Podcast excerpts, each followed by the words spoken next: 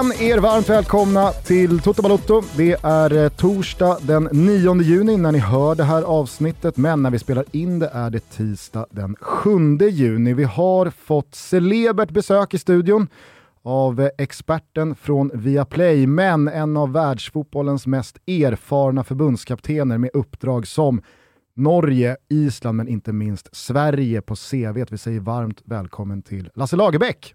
Tusen tack. Hur är läget denna junidag 2022? Ja, det är väl ganska okej okay med hänsyn taget till åldern, men jag mådde väl bättre förr i alla fall när man var lite yngre. När du säger förr, har du något liksom år som är där pikade livet? Det var en jättebra fråga. Ja, det beror ju på vad du menar, om du menar fysiskt eller mentalt eller sådär. Men eh, jag har nog svårt. Jag har nog haft ganska tur i livet så att jag har väl legat på en halvhyfsad nivå mest hela tiden tycker jag. Underbart, du ska känna dig varmt välkommen i alla fall tackar jag för igen. Thomas, du var pirrig i måndags inför sittningen här med Lasse. Det kändes eh, som att du var laddad på att stöta och blöta lite tankar kring, inte minst då landslagets omdaning här spelsystemmässigt. Jag, jag tror du skulle säga den italienska fotbollen nu när Lasse är här. Nej, men eh, det, det, jag, jag, upplevde ju kanske de senaste årens absolut bästa studiostund när Janne Andersson kom in i studion och du precis eh, hade pratat om eh, hur vi spelade, och, eller hur vi matchade, hur Janne matchade laget och hur man ska tänka kring Nations League och sådär. Jag, det kändes som att det var en sån jävla förbundstyngd, eh, alltså en tränartyngd i den studion och så dessutom då Fredrik Ljungberg där, Erik Niva där. Ja, det, det, det var, jag, jag satt nästan och liksom, det pirrade i kroppen när, när, när Janne kom in. Kände lite... du själv att det var liksom en speciell studiostund, du som har gjort så många studiotimmar? Nej, det, det var speciellt som du säger på det sättet. Jag, var ju, jag har, tror jag varit med en gång för länge sedan. Jag kommer knappt ihåg var vi var heller och, och varit med liksom kring en match med landslaget. Annars var det första gången tror jag som jag pratade om svenska landslaget. Och, mm. och dessutom med Janne då, och, och, förutom det här om man är kollegor, eller jag är en ex-kollega och, och, vi är goda vänner. Va? Vi, jag var ju med dem ett halvår när de började också. Så att, eh, på det sättet var det lite speciellt. Så man, jag är ju van liksom det här med att det är lätt att bli lite missförstådd eller avsiktligt misstolkad i, i vad man säger och tycker. Så att på det sättet var man väl lite, lite extra skärpt tycker jag. Mm. Så att jag hoppades att vad jag menade gick fram, men det kanske kommer att visa sig vad ni har uppfattat. Nej, men jag tror att eh, när vi pratade om det i eh, måndags, då, igår, eh, för, för dig, så tog vi det som att ni hade, eller du lyfte en relevant sida av vad Nations Leagues resultat faktiskt kan innebära för landslaget och inte minst då i jakten på en EM-plats 2024. Men att man kanske tummade lite på vad det kan innebära i konsekvensen i strävan efter att så mycket som möjligt här nu etablera det nya spelsystemet. Och att det kanske kostar några procents möjlighet att nå önskat resultat. Men att Janne har valt den vägen och som du upprepade gånger sa, jag respekterar att du är konsekvent mot den. Men att ni hade då lite olika ingångsvärden. Det var så jag uppfattade det, det ni sa till varandra.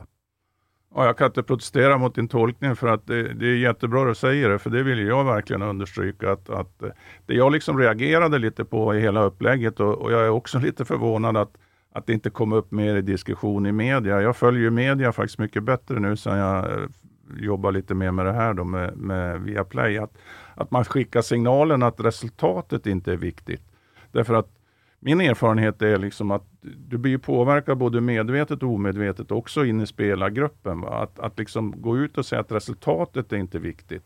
Eh, och som det sen speglades eh, medialt tycker jag. Det, det, för mig är det att fända, sända fel signal. Så det var, det var framförallt det jag reagerade på. Jag respekterar och köper liksom att Alltså vilket spelsystem du väljer, det, det beror ju helt och hållet på vad du har för spelarmaterial och, och, det skulle jag gärna snacka vidare om. Varför väljer man olika spel eller spelsystem? Mm.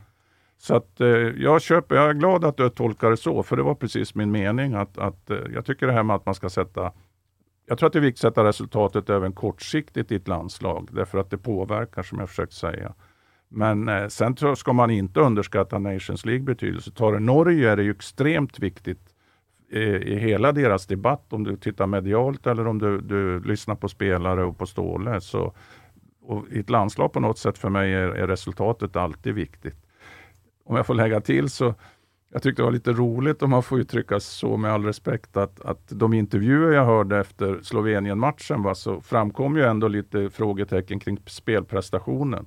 Och i alla intervjuer som jag hörde med spelare och ledare så sa jag, ja men resultatet är det viktigaste, sa alla då. Va? Så att, eh, jag tror att man ska jag har lärt mig i alla fall genom åren att det här signalsystemet, vad du säger och hur du beter dig, har betydelse. Och, och, det var därför jag framförallt reagerade på det. Det var ett jädrigt långt svar på din, ja, nej, ditt det, konstaterande. Det var bara härligt att lyssna till. Just det där signalvärdet och vad som tar sig in i gruppen och vad man kan hämta ur det, tänker jag också låg till grund för Jannes hållning efter matchen mot Norge också, när han var väldigt tydlig med, dels på presskonferensen, dels i den mixade zonen, jag läste några intervjuer, att Janne var väldigt tydlig med att säg nu för guds skull inte att vi var dåliga idag, för att Visst, Norge behöver inte be om ursäkt för sin seger, men vi var bra. Vi var bra i många perioder. Och så ville då journalister och eh, presskåren då mena på att ja, men du har spelare Janne i ditt eh, lag som tycker att ni stod för en svagare prestation idag.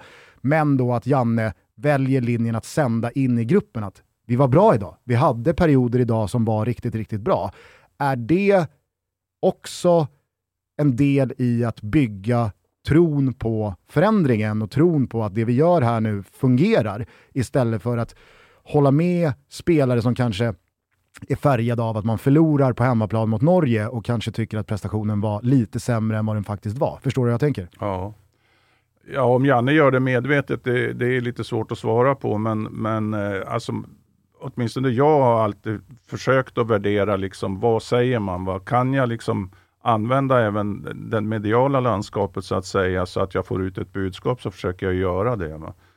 Så att det är mycket möjligt att han gjorde det och, och, eh, och sen man, man, måste ju också vara lite realist, va? så att, att, man får ju inte försköna eller gå åt andra hållet för mycket. Va? Men, eh, men jag har full förståelse för Jannes reaktion. Och... Du har använt eh, den mediala kanalen ibland i din karriär också med att sända ett budskap till din spelargrupp. Ja, det har jag nog alltid. Är det någonting man försökte förbereda när man gick till en presskonferens och, och det, ni ska ju veta det, det tror jag ni förstår som journalister också, att, att går man direkt efter en match så, så det är ju lätt att, att det kanske påverkas av olika saker så att man inte alltid kanske säger det man borde ha sagt. Va? För att det finns ju ett känsloliv i allt det här också. Va? Så mm. hur, hur, smart och pragmatisk man än försöker vara så, så eh, man har, väl, man har väl haft en del eh, uttalanden som man kanske tycker kunde ha gjort betydligt bättre. Samtidigt Thomas, så är det svårt att gå tillbaka i minnesbanken och stapla presskonferenser på hög där man ser i sitt inre Lasse Lagerbäck liksom tappa fattningen ja. och pratar okontrollerat. Ja, jag tycker Alltid det har varit god kontroll över presskonferenserna under hela tiden, men det är som du säger, det är dels en hel spelargrupp med, med alla de individerna som är där, de som ligger nära att komma med också, som man och eventuellt sänder budskap till och sen så 10 miljoner eh, eh, svenska tränare som sitter och tittar på den där presskonferensen. Eh, så det är ju det är såklart svårt att eh, förhålla sig till alla de delarna och komma med en perfekt presskonferens som pa passar alla, tänker jag. Men eh, jag, jag, vet att Janne har ju nästan gjort det ibland, eh, att han har hållit en presskonferens där det kanske inte har varit direkt i anknytning till en match. Jag vet att Erik Hamrén gjorde det också med brandtalet och så vidare. Där, där man mer pratar då till eh, de här eh, 10 miljoner eh, förbundskaptenerna för att sända signal. Men jag kan inte komma på någon direkt som du har gjort, där du pratar till, direkt till supportrarna på det sättet. Men det har du säkert gjort också. Ja, det har du någon poäng. Det, det, undrar jag om jag har gjort. Jag har nog varit mer generell om man nu använder det ordet. Det tror jag nog. Liksom. Men, eh, man har ju presskonferensen efter Olof Mellberg och Fredrik Ljungbergs intermezzo i, var det Japan eller var det Sydkorea? Jag vill, jag vill säga Japan. Korrekt. Eh, 2002 då inför VM. Jag tänker också direkt på presskonferensen Vet, vet du hur man vet att det är eh, Japan? Ja, det är supporten eh, på träningsplan som får supporten. Ljungbergs eh, autograf exakt. och blir helt eh, tokig. Ja, men sen så tänker man ju direkt också på presskonferensen efter 0-0 mot Trinidad och Tobago, VM-premiären 2006 det var verkligen inget topplock som flög, men det är en sån där presskonferensstund som etsade sig fast. När då folk ville höra dig säga att det här var eh, en riktigt usel prestation och det här var ett fiasko. Men att du tryckte på att ibland så vill bolluslingen inte in. Så är fotbollen ibland. I övrigt så kan jag inte, liksom, jag kan inte erinra mig någon presskonferens där Lasse har liksom tappat fattningen eller eh, låtit bara tungan gå. Ah, ja, vi, kanske, vi kanske kommer på något eh, tids nog. Eh, vi ska prata landslaget eh, alldeles strax igen, misstänker att vi kommer tillbaka till det, men vi ska givetvis beta av en faktaruta som alla våra gäster får genomgå. Inte för att jag tror att speciellt många som hör det här inte har en ganska så bra bild av vem Lasse Lagerbäck är, men det, det kan finnas detaljer eh, och eh, små nuggets som folk har eh, missat. Du har ju som eh, du har varit inne på inte gjort speciellt mycket poddar. Eh, så att, eh, det, det, finns säkert eh, någon där ute som sitter Absolut. och undrar saker kring Lasse och hans karriär. Eh, fullständigt namn? Lars Edvin Lagerbäck. Edvin, på frammarsch igen. Mm. Nu kommer den yngre Kommer generationen. Nu går det liksom full circle. Ålder? Gam, gammalt släktnamn. Ja, tyvärr får jag erkänna att jag är 73 år. Har du någon eh, liksom, åldersnoja? Eller är åldern bara en siffra? Jag har inte åldersnoja, men eh, det jag känner är ju att tiden är ju utmätt på något sätt, för att den minskar ju hela tiden, oavsett vilken tur jag kommer att ha i livet som är kvar. På det sättet känner jag det att, att man vill nog prioritera och göra de saker som är, känns viktigast betydligt mer än vad man gjorde förut. Har du eh, officiellt tackat för dig på tränarbänken eller är dörren fortfarande öppen till ett nytt stort tungt gig?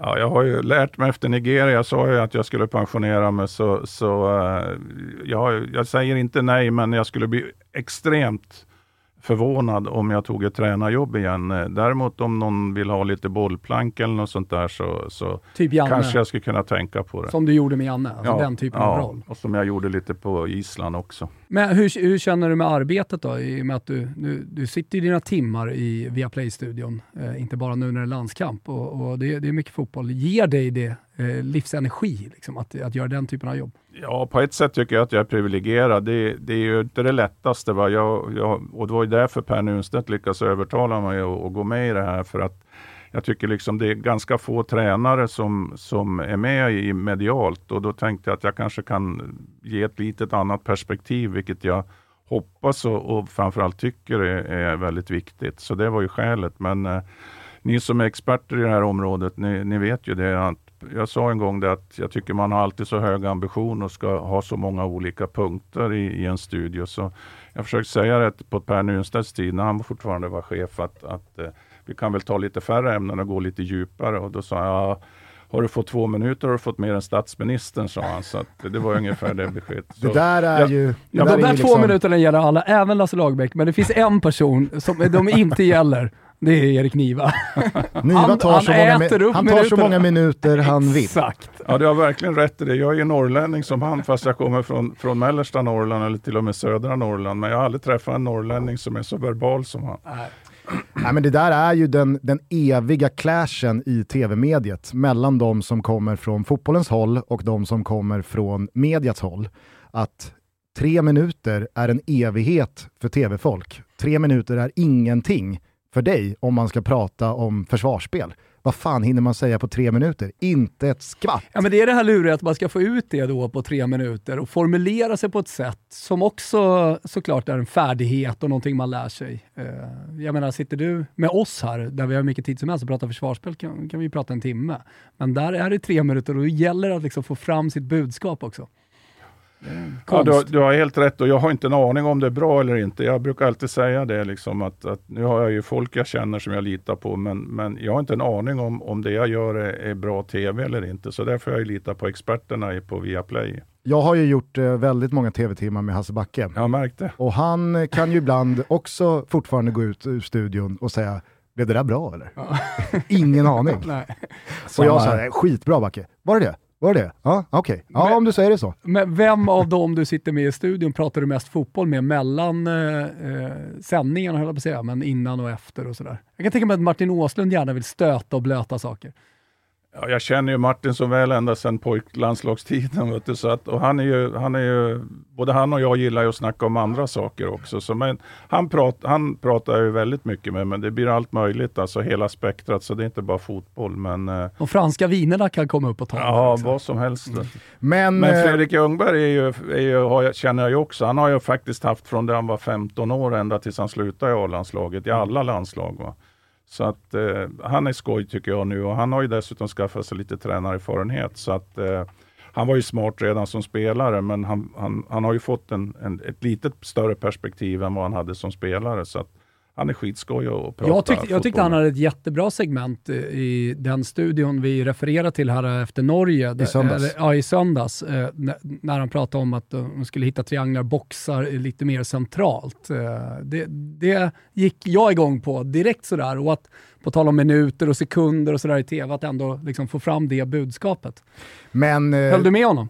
Ja, definitivt. Mm. Det, jag, vet, jag, jag, har inte sett om sändningen, man kommer knappt ihåg vad vi sände, men eh, om du utgår lite från den matchen så, så gjorde vi en grej och, och med Fredrik skulle egentligen presentera kring att Sverige blev ju väldigt statiska i sitt anfallsspel, va? alltså positioner. Och, mm. Men eh, nej, Fredrik är jätteskoj att sitta med och, och snacka fotboll med. Och, och jag har alltid gillat honom. Vi har ju fått en speciell, det är nästan kanske som en farsa relation jag har med honom. Då, så sedan han var 15 år. Mm. Men just på tal om det, jag tyckte det var kul eh, och härligt i införstudion då, eh, med tanke på hur långt tillbaka i tiden ni två går med varandra.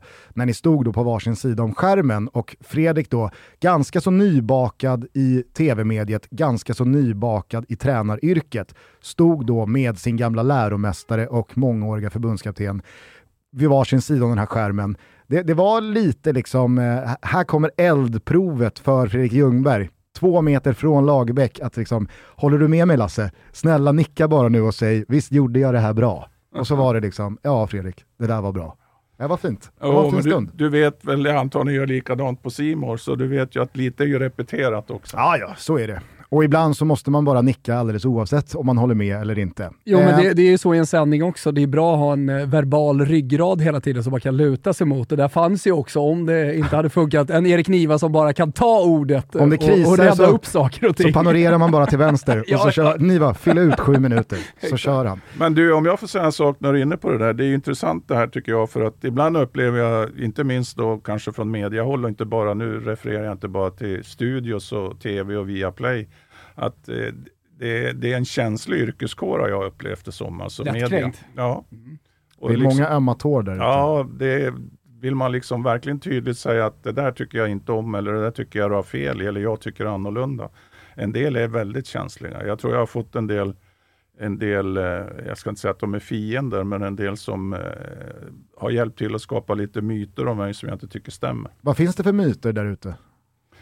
Ja, en är ju det här mitt relation till media. Jag tycker jag har alltid varit tillgänglig och öppen för media. Det, det, men eh, jag har ju då gått, gått emot en del som, som då har gjort grejer, vad typ omformulera frågor. Alltså då tappar jag respekten för dem och då är inte jag speciellt tillmötesgående mot den typen av journalister. Va? Jag menar, jag läste ju några år uppe i Umeå så att jag har ju faktiskt till och med läst lite masskommunikation och, och det här med det masskommunikativa verktyget tycker jag man ska känna ganska starkt om man jobbar i journalistbranschen. Jag tror att eh, det allting, eller det mesta i alla fall, av den här liksom lättkränktheten eller försiktigheten gentemot varandra när det kommer till att ja, men opponera sig eller stöta sig med någon eller trampa någon på tårna är väldigt mycket sprunget ur att det är så många inom fotbollsmedia som vill vara med och dansa med dig, eller med Backe, eller med Janne, eller de som kommer från aktivt håll, Fredrik Ljungberg, eller Martin Åslund, eller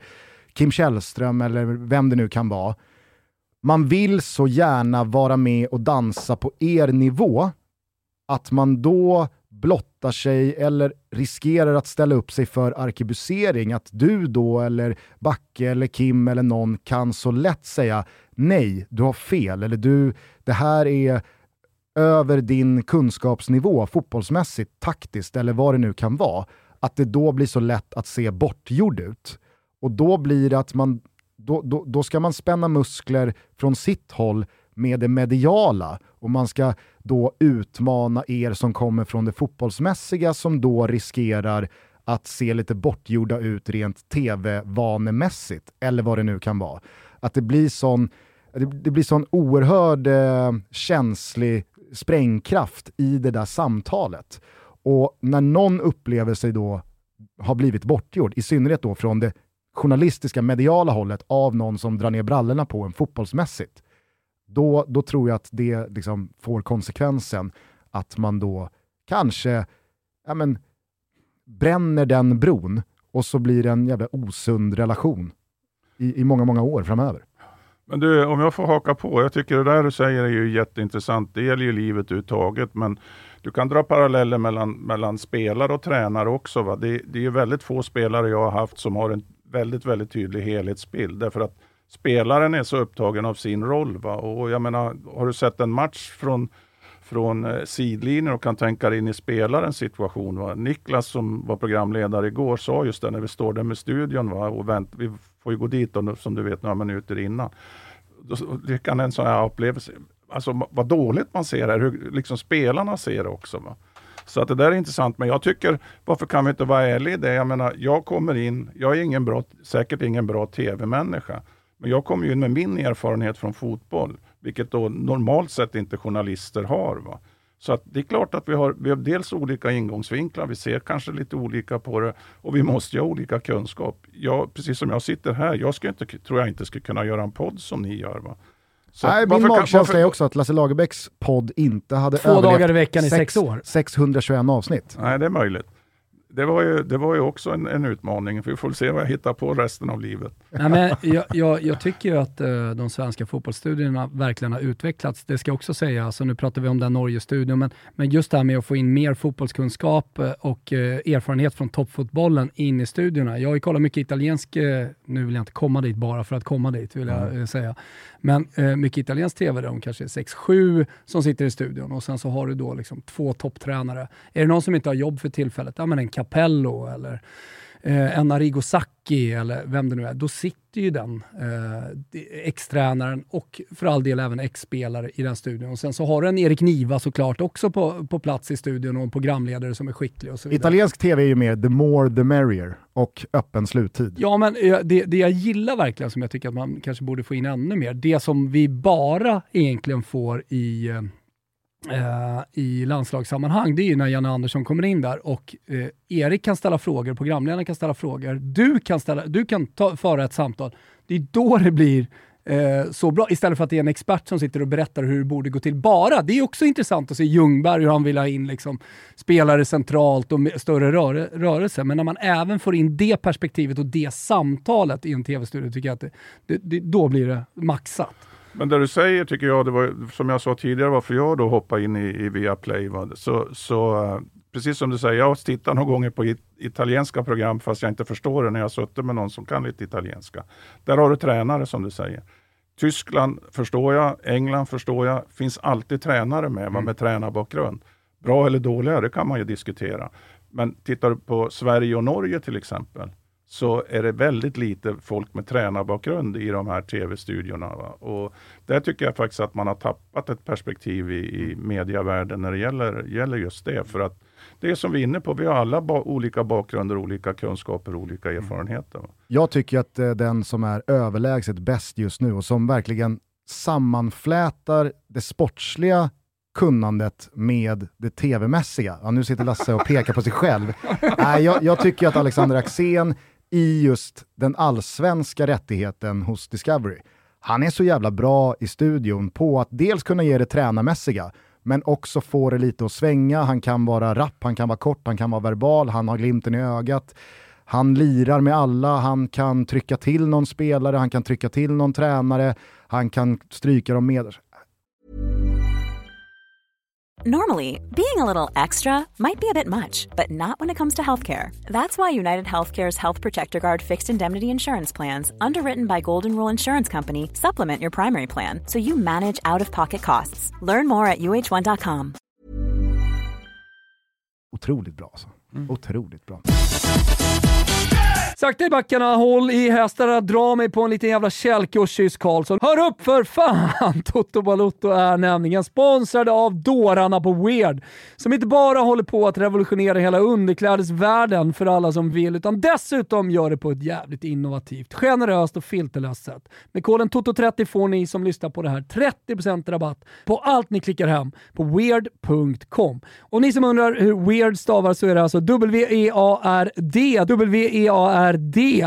Var noga med det, annars får ni upp något helt annat och det vill vi inte. För alla behöver underkläder, kalsonger, trosor, strumpor, linnen och så vidare. Tjejer som killar, pittiluring som kissimurra va. Och med Weirds grejer så ger man båda kön, tassar och huden precis vad de vill ha.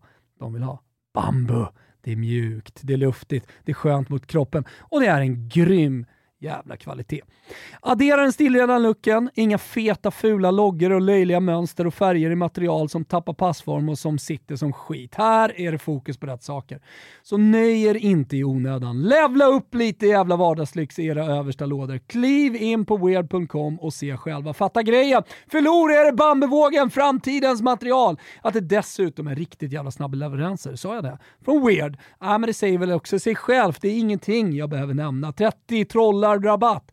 Toto30-koden weird.com. Vi tar på oss våra bambujalingar och skjuter en salut för att ni är med och möjliggör Toto Balotto. Kitos, kitos, terve, terve tampere. Eh, vi är sponsrade av K-Rauta. Hörrni, känner ni att sommaren är här eller? Ja, jag tror nog att hela det här landet gör det. Och inte minst om man går in på K-Rauta så får man ju de här härliga sommarvibbarna. Sommaren är ju inte bara ligga i hammocken och eh, gå ner till hamnen, höll jag på att säga, men kanske till stranden i alla fall. Utan det är ju också målartider. Va? Nej men visst, det är då man kanske till och med tar tag i hela fasaden. Vad vet jag? Jag tycker i alla fall att ni ska passa på oavsett om det handlar om fasaden, snickerier, dörrar, fönster. För det är ju viktigt att hela tiden se till att vädrets slitage från sol, regn och vind inte gör ert hus slitet.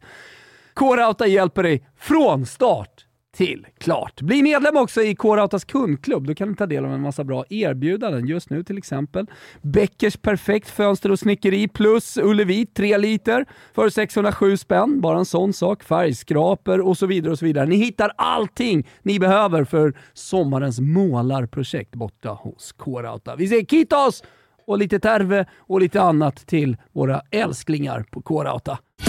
Toto Balotto är så satans glad över att återigen tagit Circle K i handen. Vi känns väl liksom, ja vad säger det, vi känns hela igen. För ni minns väl fjolåret? Ni minns väl när Circle K lanserade betaltjänsten Blippa bilen och allt det där med tankningen blev så otroligt enkelt och smidigt. Jag tyckte det var så jobbigt att gå ur och hålla på drinkkortet och hålla på och hålla på. Vissa kanske har sovit under en sten eh, senaste året och inte har eh, fattat att man kan blippa bilen. Jo, Circle K har gjort tankningen så smidig det bara går. Man laddar ner en app som heter Circle K Easy Fuel och så skapar man ett konto, lägger in ett betalkort, knackar in sitt registreringsnummer. Svårt? Nej. När man sedan rullar in på någon av Circle K stationer så läser de av din regplåt, pumpen öppnas automatiskt och när du sen är färdigtankad levereras kvittot direkt in i appen. Allt sköts helt automatiskt så länge du har luren i fickan eller i bilen. Enklare än så blir det fan inte. Så ladda ner appen nu, börja blippa bilen och känn hur Circle K erbjuder en ruskigt smidig pusselbit att addera till era liv. Circle K! Vi är jätteglada över att ni är tillbaka hos oss och vi säger stort tack för att ni är med och möjliggör Toto Balotto. Eh, vi, vi, har bara kommit två frågor in i faktarutan. Det går så där för oss, men innan vi stänger frågan om ålder där, det var så vi hamnade på jobb, så tänkte jag bara komplettera med en sista fråga. Om du nu skulle ha gjort ditt sista huvudtränare eller förbundskaptens uppdrag, skulle det kännas okej? Okay? Känner du liksom att ah, men jag, jag är nöjd, jag är färdig?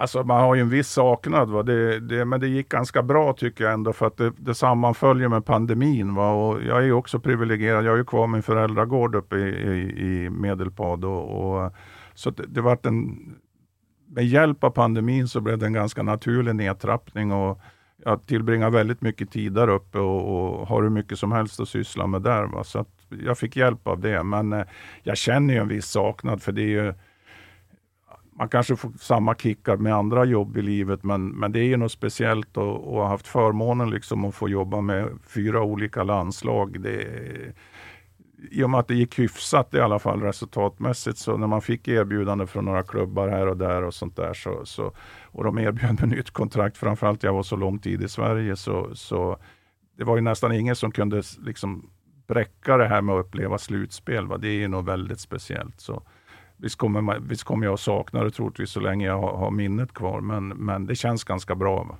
Vad är den största saknaden där? Eh, jag tänker att det finns olika delar. Dels det vardagliga jobbet, träffa kollegor och planera och sen träffa spelare. Eh, man brukar prata om doften av gräs. Eh, nu är det mycket plast visserligen, men fortfarande på landslagssammanhang så är det i nationalarenan, där är det gräs. Eh, eller är det eller, 60 000 på nej, läktaren? Du, liksom? Ja, det, och, ja, det är också ytterligare en del, men, men eh, vi har ju varit inne ganska mycket på resultat och du nämner ju slutspel och, och sådär. Det känns... Är, är, är det kicken eh, sådär, som man saknar mest? Ja, den stora kicken är ju samlingarna och få jobba med, alltså det tycker jag är det som har på något sätt driver mig. Alltså, att, alltså resultatet är ju alltid nummer ett, för annars tror jag inte man har fortsatt att hålla på med det här. Men, men kicken att kunna åstadkomma någonting med en grupp människor, va? ledargruppen och spelargruppen, det, det är ju det som är kicken. Och det är så pass intressant med, med fotboll tycker jag, för att eh, det är förberedelsefasen som är det viktiga. Och jag brukar säga det att man pratar väldigt ofta om vad, vad, vad liksom sa du till spelarna i paus och sådana här saker. Jag brukar säga det att 90% av jobbet gör du ju före. Du, du har så små möjligheter att påverka under match. Va? Så. Den där facklan tog ju Janne väldigt mycket över också. Han pratade om att vi kommer aldrig kunna vara världens bästa landslag på de här och de här och de här delarna. Men när det kommer till förberedelser och när det kommer till organisation, organisation då kan vi faktiskt, om vi lägger manken till, vara världens bästa landslag? Nej, jag tror det, det är det som en del som har varit väldigt länge i klubbvärlden och sen går in i ett landslag. Att du måste ju prioritera tiden oerhört noga. Va? Och sen, du, liksom det är det här som du pratar om spelsystem och sånt där. Du, du, du måste ju utgå från vad du har för kvaliteter i laget. Va? Jag, jag älskar ett uttryck som jag skapade ganska tidigt i när man slutar snacka ledarskap och det här och det är att vara en realistisk optimist. Va? Du, du måste utgå från vilka verktyg du har och sen måste du prioritera var kan vi vara bäst? Va? Precis som du sa själv. Du känns verkligen som ansiktet utåt för den realistiska optimisten. Ja, det låter trevligt. Det tar jag som en komplimang. Det tycker du ska göra. Eh, jag, jag, jag, jag, kände bara instinktivt här innan vi går vidare med faktarutan på det jobbmässiga. Eh, det, det, var ju några eh, obskyra norrländska klubbar Eh, på uppdragslistan där från 80-talet innan det blev landslagsuppdrag för hela slanten. Men längs eh, hela den här resan, 90-tal, 00-tal, 10-tal, fanns det konkreta klubbadresser med erbjudanden och hoppa på den biten eller eh, hade du alltid liksom förbundskaptens uppdrag för ögonen under de sista 30 åren? Nej, jag fick ju en del förfrågningar, men eftersom det, sen om du tar från, från det jag började med A-landslaget då, så i och med att vi, vi gick till de här raka slutspelen från sett det sista, va, så när det dök upp sådana här erbjudanden så tyckte jag inte att det slog, eh, slog det jag hade. Plus att för mig vägde jag också in det, det privata för att eh, i och med att jag hade kvar min föräldragård och mina föräldrar gick bort, va, så då kunde jag liksom sitta där lika gärna en vecka och planera som jag satt ner på kansliet. Va. Så att, eh, allt sammanvägt så, så var det ingen som jag tyckte bräckte det här med att jobba med landslag. Men visst vill vi ha några konkreta Nej, jag, jag, kände, jag kände bara det. Alltså, fråga, frågan som egentligen ställdes var, vilka klubbar har du tackat nej till? Vad har nej. legat på bordet? Nej, det... det är nästan preskriberat nu. Ja, det kan man lugnt säga. att det, det, det är faktiskt länge sedan det var någon klubb som frågade. Jag har i och för sig fått någon fråga. Men... Ja, men jag tänkte mest på den tiden när det verkligen var liksom ja. landslag. Och... Ja, I Sverige, så det som var väl mest eh, liksom tydligt att det var ett erbjudande. Göteborg var på med en gång där någon gång. Eh, sen har det ju varit en del utländska klubbar då, eh, kanske framförallt nere i, i arabvärlden som, som har eh, gett mig erbjudande. Och, det måste ha varit fruktansvärt mycket pengar att tacka nej till. Ja, lite mer än vad man tjänar på Svenska fotbollsförbundet, ah. det kan man lugnt säga.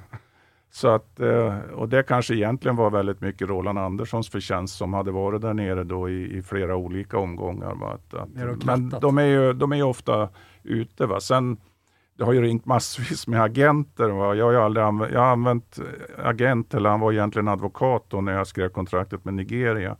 Men annars har jag aldrig använt agenter så att jag har bara i stort sett tackat nej om det har ringt agenter och, och frågat om jag är intresserad av det eller det jobbet. Men så inga högsta ligaklubbar i eh, Europas stora ligor? Nej, jag har bara fått en del erbjudanden från, eller förfrågningar från olika landslag. Ja, det närmaste var väl, jag var i Wales en gång, då var jag där och träffar dem. I Österrike har jag varit en gång och träffat dem. Och det har varit Burschen. några, varit några fler länder som har hört av sig. Va? Klarsynt att säga nej till Blåvitt. ja, jag trodde du skulle säga Österreich. Nej, jag nej, är nej, halvöster, nej. pappa är från Österrike. Så. Lasse satt där på Kamratgården, jag är realist. Ja. Jag är realistisk optimist, jag kommer tacka nej här. Jag känner en viss antivibb här mot Blåvitt. Nej, det är väl bara... Jag har varit väldigt optimistisk de senaste åren. Vi, vi, vi, vi kan väl bara krasst konstatera att IFK Göteborg kanske inte har levt upp till sin enorma historia det senaste decenniet. Eh, I synnerhet inte om det kommer till allsvenskt spel. Eh, Okej, bra, då har vi det avklarat. Hur skulle din bästa vän beskriva dig? Och det är en jättebra fråga. Det måste du fråga min bästa vän i så fall. Men jag, jag tror väl att jag uppfattas som relativt schysst och förhoppningsvis ett eh, hyfsat trevligt sällskap. Var är hemma för dig? Ja, det är en bra fråga. Just, det känns nog som det är en väldigt tydlig kombination mellan, mellan eh, Solna, Råsunda där jag bor och eh, Ovansjö där jag har min föräldragård. Tyckte du att det var rätt eller fel av Helsingborg att kicka Sören Kratz efter dennes förvisso alldeles för långa, men också fullt begripliga ärevarv på Söderstadion 2002? Och nu gick det långt tillbaka i tiden. Rent principiellt så tycker jag att man ska, det ska vara väldigt mycket bra fakta bakom eh, innan man ska kicka en tränare. Och oftast tycker jag då att de som tar de här besluten ska titta sig själv i spegeln eh, varför de anställde den tränaren och, och eventuellt vara lite självkritiska. Men det finns alltså situationer när, när det är dags att sluta. Va? Jag menar, om det inte fungerar, det kan handla om tränare kontra spelargrupp eller att, att man helt enkelt inte presterar. Ibland, det är alltid två lag som måste åka ur och det är oftast de som får kicken, va? eller som underpresterar utifrån förväntningar.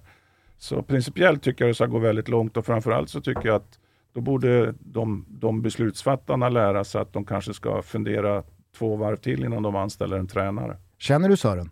Kratz? Mm. Nej, inte väl. Jag har träffat honom. Mm.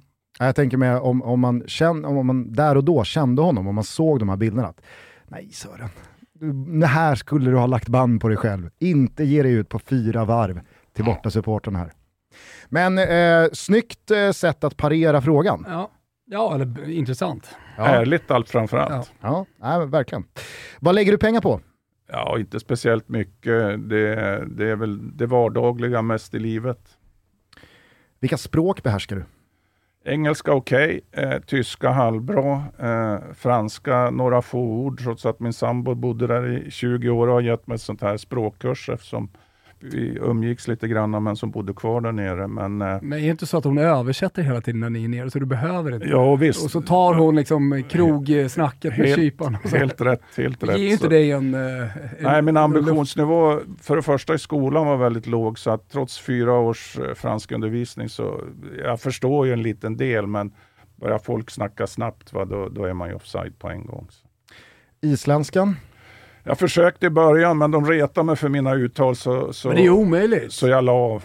Nej, men alltså helt ärligt, jag bodde med några islänningar eh, ett tag. Det, då, jag försökte också.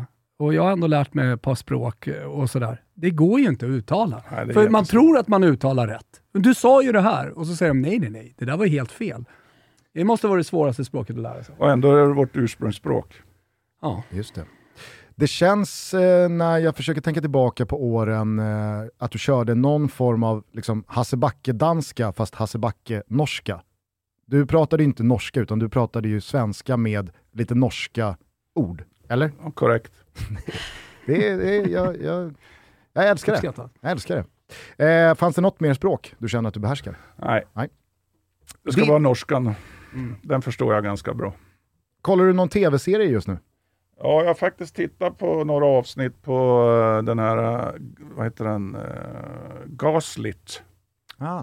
Jag tror jag skulle säga den nya eh, VM 94-dokumentären. Fast det kanske Ja, inte är jag- en serie. Jag har alltid tittat väldigt lite på serier för att jag, jag liksom har, det blir aldrig, aldrig tid så man kan liksom följa det. Va? Nu går det ju lättare när man kan ta in dem på, på play. Men om jag tittar på någon serie så är det ofta något som, som ändå, även om det är en, en, vad säger man, det är inte en dokumentär om jag uttrycker mig negativt, så ut, utspelar det sig i verkligheten. Sånt gillar jag. Mm. Och jättegärna när jag läser gå tillbaka till eh, böcker som eh, ändra utspelar sig korrekt i, i tidigare i livet eller jag är jätteintresserad av historia på olika sätt och vis. Baserat på verkliga händelser.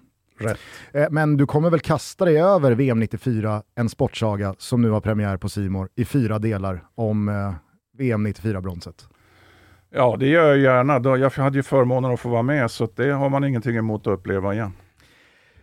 Om du bara, om vi, bara, vi måste ju kort stanna till vid det såklart. Tycker du att, som, alltså, tycker att det finns en rimlighet i att det är så mytomspunnet och legendariskt som det har varit nu i 28 år? Innan du svarar kan jag säga att det tycker jag. Jag tycker att bronset 94 är det, det, är, det, är det, största, det är det största vi har. Ja, det får man väl säga att det är tycker jag inom landslagsfotbollen för att uh, den resan är ju väldigt speciell och jag är väl inte objektiv eftersom jag sa jag hade förmånen att få vara med också. Så. Vad var din faktiska roll? Ja, första hand, eh, det var jag och Benny Lennartsson och i början, Tommy blev ju tyvärr sjuk så han fick lov att åka hem men vi hade ju under hela förberedelsefasen då uppdraget att studera motståndarna. Hade du eh, någon eh, specifik gruppmotståndare eller körde man alla ihop eller? Ja, det, det var som det föll sig. Jag hade ganska mycket ansvar för Brasilien och, och Ryssland så att eh, Tom och jag hade faktiskt förmånen då att eh, vi låg, bodde uppe i San Francisco och där kunde vi vissa tillfällen fick man besöka både ryska och brasilianska träningar så att vi fick följa dem lite grann. Men jag där. tänker idag finns det Y-scout och alla möjliga olika hjälpmedel för att scouta spelare, scouta lag. Alltså på den tiden så hade ni inte den uh, möjligheten. Nej, vi satt med två videoapparater och fick stoppa den ena och, och, och liksom klipp, ta klipp på det sättet på den tiden. Men under turneringens gång, kände ni i ledarstaben att fan, vi, alltså, vi, vi, vi kan vinna det här? Alltså det fanns ju, det, alltså om du konkret säger att man kände och pratade om att man skulle vinna det, men, men eh, att eh, det var ju en väldigt, väldigt eh, positiv stämning och, och, det fanns ju, det var ju ett sånt gäng, det var ju ett väldigt starkt självförtroende i gänget. Va? Och Tommys ledarskap är ju också väldigt avslappnat och så Tord Grip, den klurige, det var ett jättefint par, va? både sett ur fotbollssynpunkt men också ledarskapssynpunkt. Va? Sen hade du ju en sån som hade jättestor betydelse som informell ledare om du kallar det så. Det var ju Jonas Tern. Va? Jag, om du vill så kan jag berätta en grej när vi skulle möta Rumänien. Så Benny är ju freak på, på dödbollar på fasta situationer och satt och studerade en massa. Och är sen, det från Benny Lennartsson Axén har fått sin hänga på just fasta situationer? Det, det får du fråga om, det är mycket möjligt. Ja. För Benny är extrem. Va? Och Benny är väl liksom Axéns stora läromästare? Det, så kan det vara. Det känner inte jag till, men Benny är otrolig. Men storyn med Jonas som jag tycker är så skön var att, att eh, då hade vi gjort speciell grej på Hadji, var ju väldigt dominant i Rumänien. Och när Tommy skulle ha genomgång då så hade vi några klipp och sånt där och sen så han körde ju ganska mycket dialog va? så han, han ställde ju liksom frågan ut i gruppen. Hur ska vi göra med Hadji? Ska vi göra något speciellt? Och då säger bara Jonas, äh, jag kommer inte ihåg exakt ordaval, men det där fixar Stefan och jag, sa Jonas. ja, fin. Ja, det är tydligt kryptiskt, eller kryptiskt tydligt.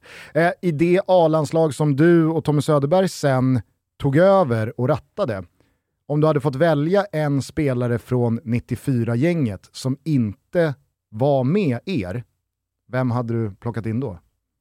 Jag tänker att Thomas Brolin var liksom... Ja, Thomas eller Jonas. Ja. Men de var också på den absoluta, absoluta världsnivån. Ja, tyvärr... Eller är det också en mytbildning som har blivit? Du menar att då när vi tillträdde att de var på världsnivå? Ja, eller alltså, innan ja, tänkte jag. Exakt, under 94. För att... Ja, definitivt. Ser du Jonas betydelse som, som lagspelare? Han var ju en fantastisk tvåvägsspelare. Han hade ju allt tycker jag. Han var tuff, eh, fysiskt, mentalt extremt stark. Va? Och, och, liksom just den här informella ledaren som är så bra att ha i alla lag. Va? Så att eh, han var väl ingen sån här flashig spelare, men han var ju han hade ju allt i princip. Men mm. en sak som man inte pratar så mycket om, som jag alltid kommer tillbaka till, som jag fortfarande är förbannad på, eh, från VM 94, det är ju det röda kortet på Jonas. Det är ju inte rött kort. Ja, det är en bentackling, okej mm. att han går in, men han, han stämplar inte honom. Han, visst, han är sur för att det har hänt något och sådär, man ser att han går in lite extra, men det är ju inte ett rött kort. Och det påverkar ju oss han ju.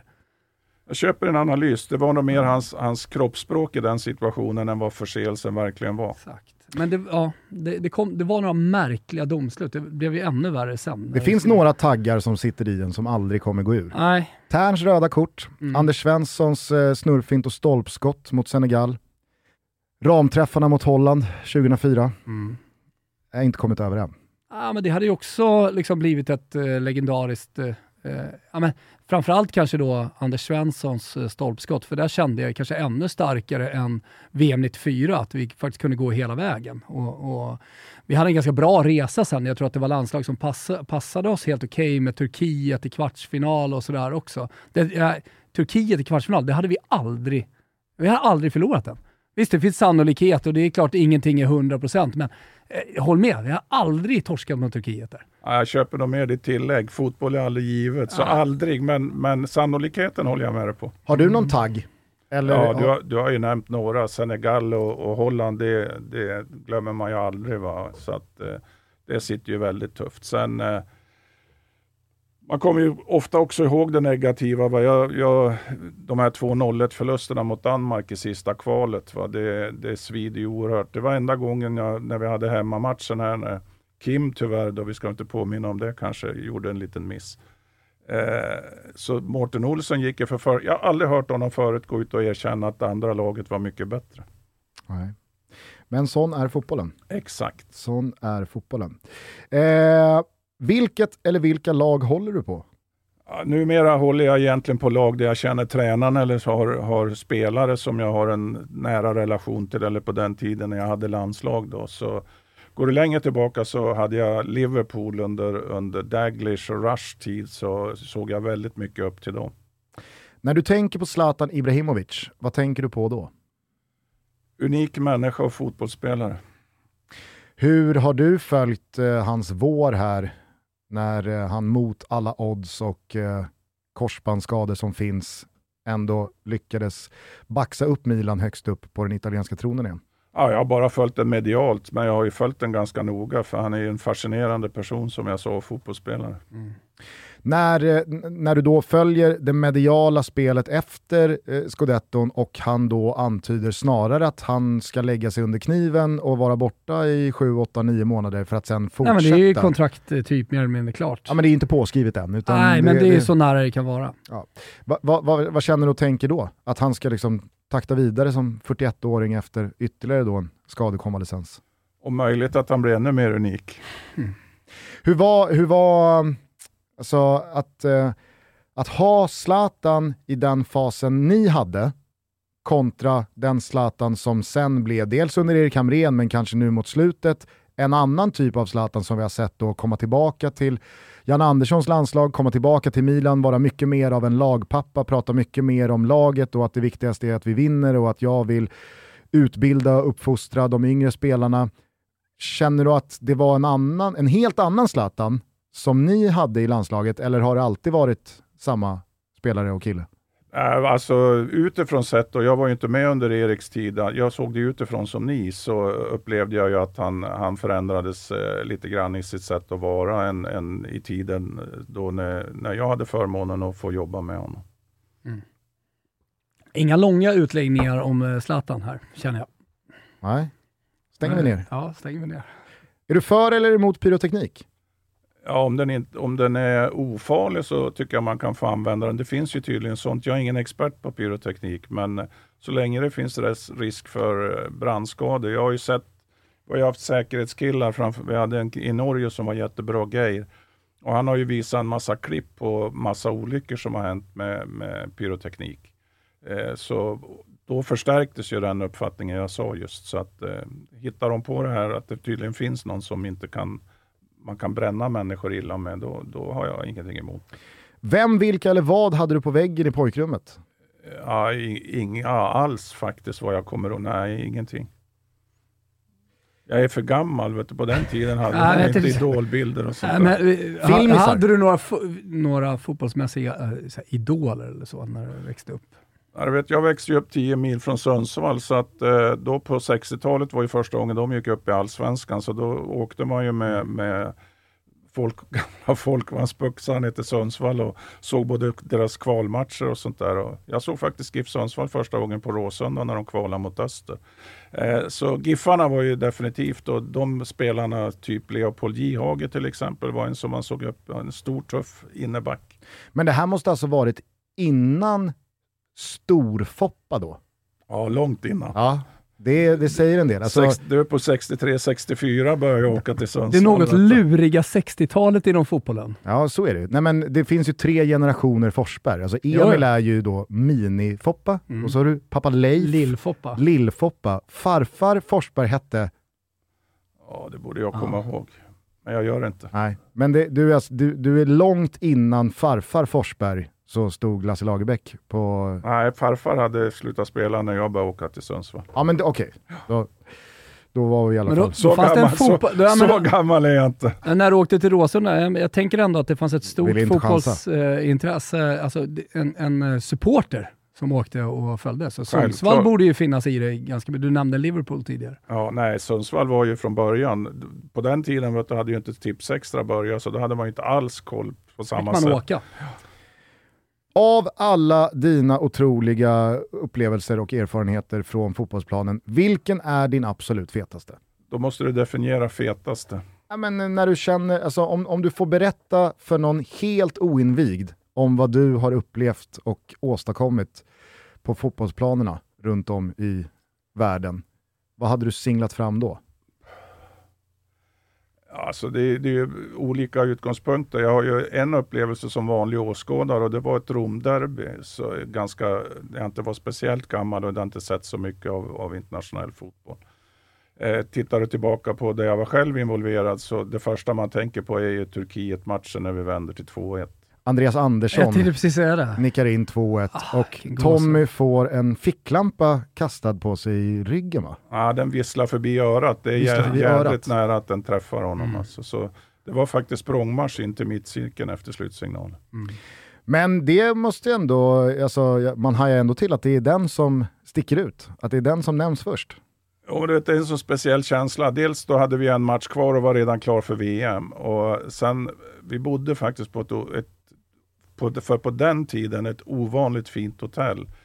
Med en takterrass, utsikt över Bosporen, en ljummen natt och liksom matchen plus den avslutningen. Spelarna fick ledigt så att det var inte så många spelare kvar men ledargruppen var kvar så vi satt där hela natten liksom på takterrassen och, och bara njöt av och, och såg fram emot VM. Och det här var väl också på tiden då, för visst var det på Alice igen?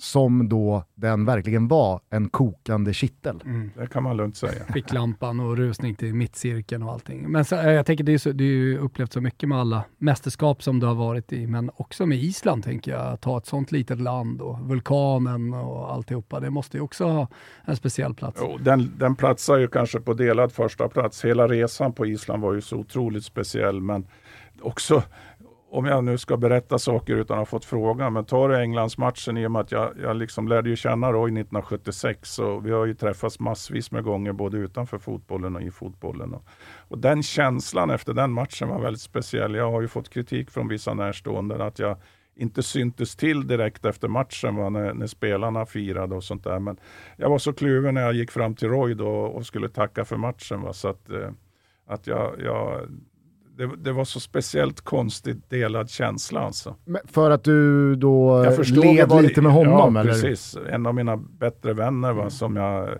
jag förstod ju konsekvenserna. Mm. Vad sa ni till varandra? Vi bara tackade för matchen och jag kände inte alls att det var aktuellt att fortsätta någon dialog. Nej. Nej, det måste vara jävligt, jävligt märkligt att trycka en av sina närmre vänners hand där och veta Ja. att jag har precis kostat dig jobbet. Ja, han och i, i, ännu mer Bob liksom, har ju gett mig så, jag tror att jag har väldigt mycket för min karriär att tacka vad jag lärde av dem när de kom. För de kom ju med totala nyheter till svensk fotboll. var inte bara spelmässigt som är det som är uppmärksammat, utan de kom ju med helt nya träningsmetoder. Va? Går det att på något sätt underskatta Roy Hodgson och Bob Houghtons impact på svensk fotboll? Nej, jag tror inte det. För att eh, jag tror nog att hela den här generationen som jag tillhör då, från Hasse Backe, Tord Grip, eh, Tommy Söderberg, Roland Andersson och många, många mer tränare fick ju liksom en, en skolning och, och den här extrema debatten som uppstod då under 80-talet tror jag hjälpte svensk fotboll att ta ett jättestort steg mot en mer professionaliserad eh, verksamhet både på träningsfältet och matcharena. Och som man tittar på er, du säger att ni, ni påverkades mycket och hämtade mycket inspiration och att de har betytt extremt mycket, så har ju ni eh, och er sida också betytt väldigt mycket för yngre tränare idag. Så tänker jag att eh, ja, om det då startade där så har det betytt eh, enormt mycket. Ja, det tar jag som en komplimang. Vill du jag ska sticka ut hakan så, så tycker jag tyvärr att den betydelsen verkar ha avtagit sista åren. Köper det. Och då pratar jag inte 4-4-2 eller nej. spelsystem. Utan, eh, Vad pratar du om då? Nej, men överhuvudtaget det här med att vikten av att organisera ett lag. Jag menar, du, jag hade ju förmånen och, och jag har ju jobbat åt Uefa i, i vad det än blir, 20 år eller något sånt där innan jag fyllde 70 i den här Gira Panel. Och jag har ju besökt cirka, ja, kanske närmare 30 länder i Europa och varit med på tränarutbildningar.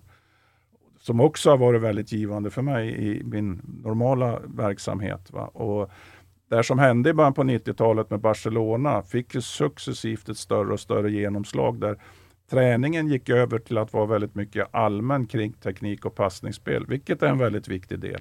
Men där man då tappar lite grann av det här.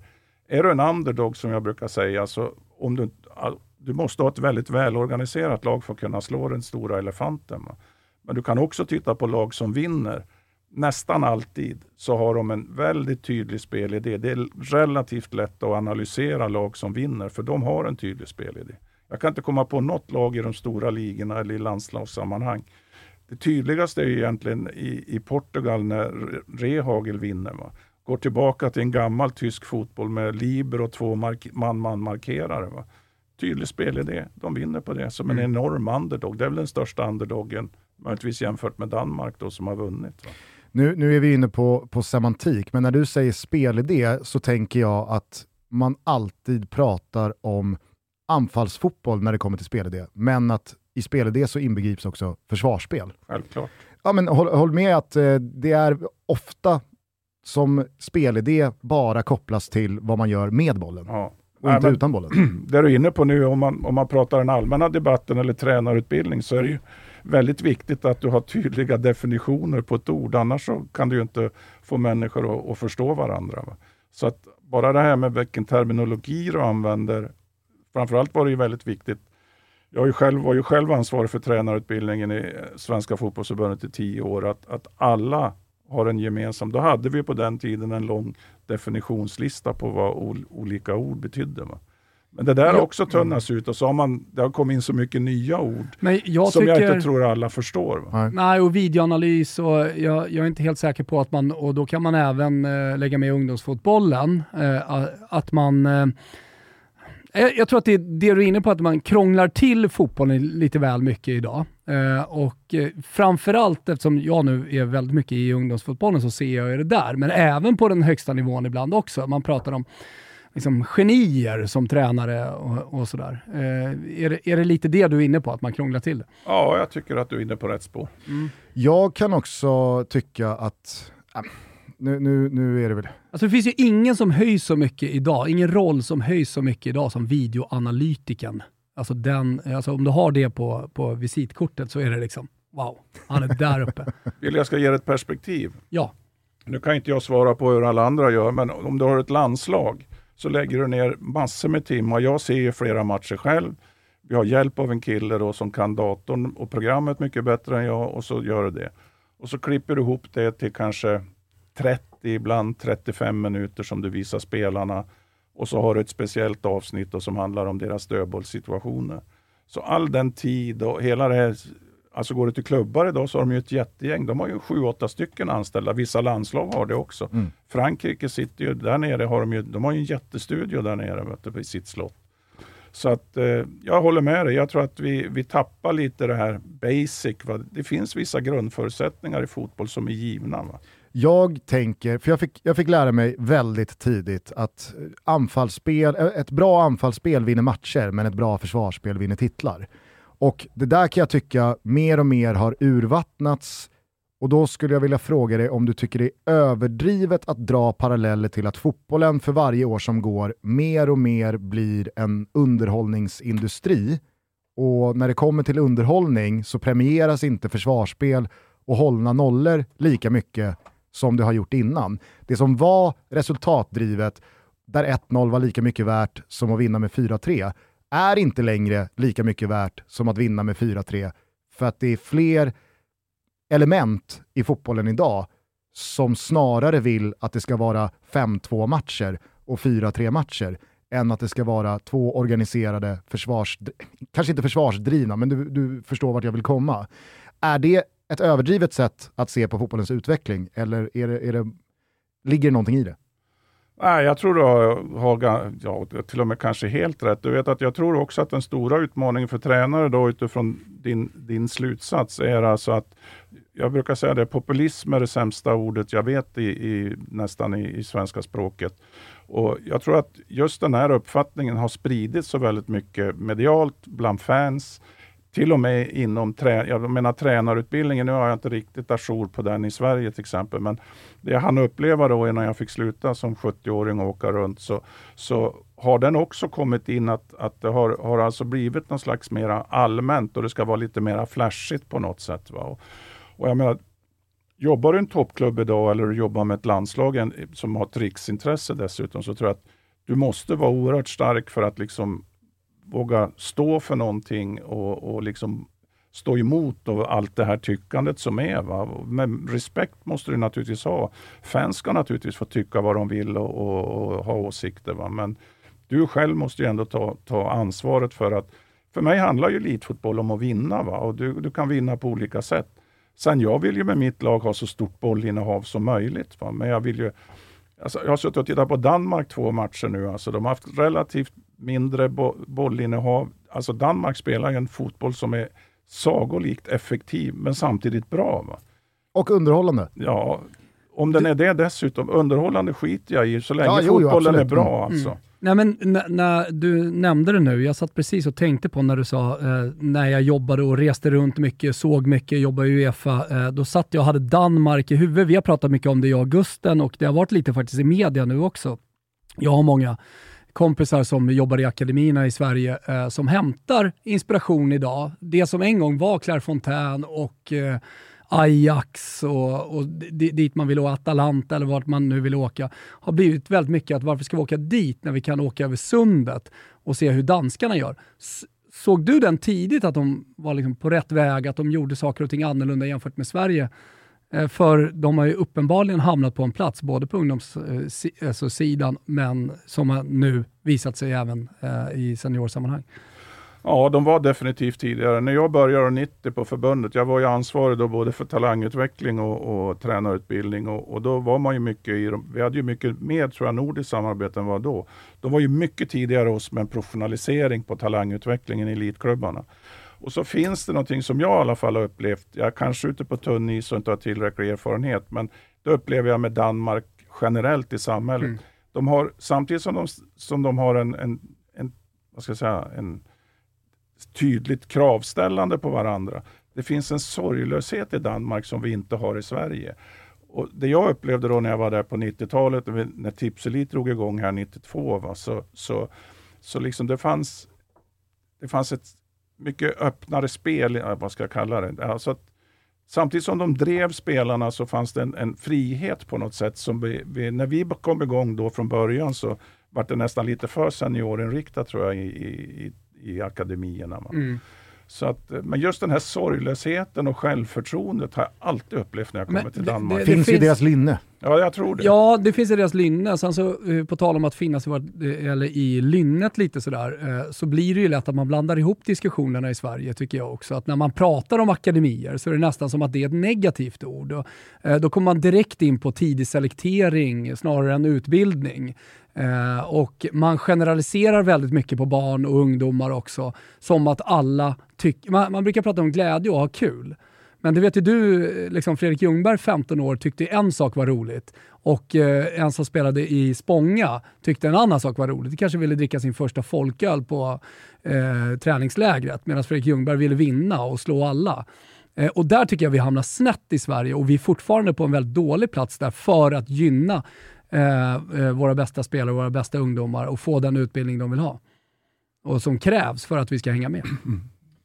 Ja, nej, jag, jag håller med dig i mycket. Det, alltså, Sverige tycker jag är väldigt speciellt. Det gäller inte bara fotboll och idrott, men det här liksom med elitsatsning och sånt där. För mig handlar det egentligen om att, att ha en tydlig linje och ett bra ledarskap. Mm. Alltså vill du bli bra i fotboll så, så måste du så tidigt som möjligt komma igång med, med bra träning och, och komma i bra matchmiljö. Om du vill och jag får fortsätta just det här med talangutveckling. Norge, alltså det här med akademier och satsningen som görs nu. Eh, det är ett problem i, i, Sverige och i Norge. Jag kan inte Danmark numera riktigt, men det är ju det här att när du blir 15-16 år så är stora problemet matchmiljö och få bra matcher i Sverige och Norge. Tittar du på Norge nu, de har alltså 5-6 spelare som är 20, Håland är yngst, han är 21 och så har de några som är 22-23.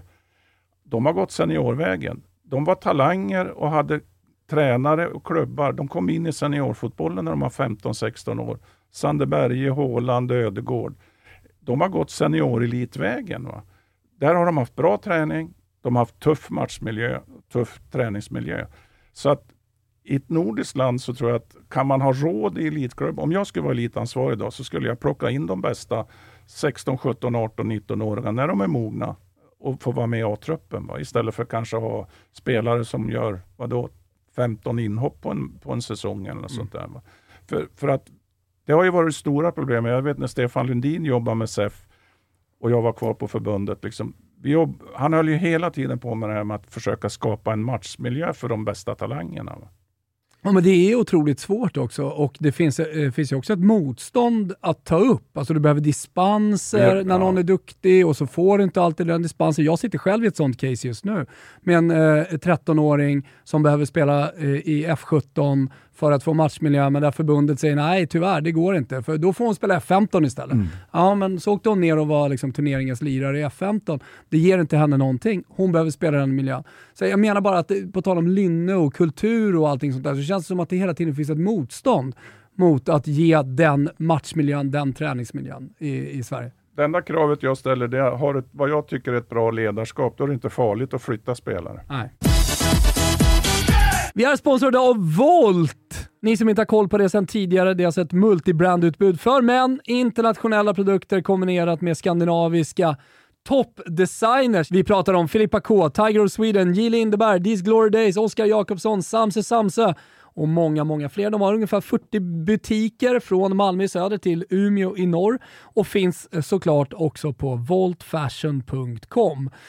Det är ett noga utvalt sortiment, det vill jag verkligen säga. Och det är högsta kvalitet. Och de har också, och det tror jag alla som har varit inne i deras butiker, men eh, för de som inte har varit det så berättar jag det, på personlig service och eh, det är väldigt inspirerande att gå in i en Volt-butik. Du kan köpa hela din garderob, sånt är viktigt också. Allt från overshirts, kostymer men också jeans, alltså byxor och så vidare och de schysstaste accessoarerna. Det är väldigt enkelt. Du går in i en Voltbutik, du går ut och du kommer vara nöjd. De väljer ut det bästa av det bästa. Nu är det sommarmode på fokus tycker jag. Shorts, pikéer, skjortor, kostymer, linneplagg. Stolta linneplaggen. Det är till Volt du går om du vill köpa och uppdatera din sommargarderob.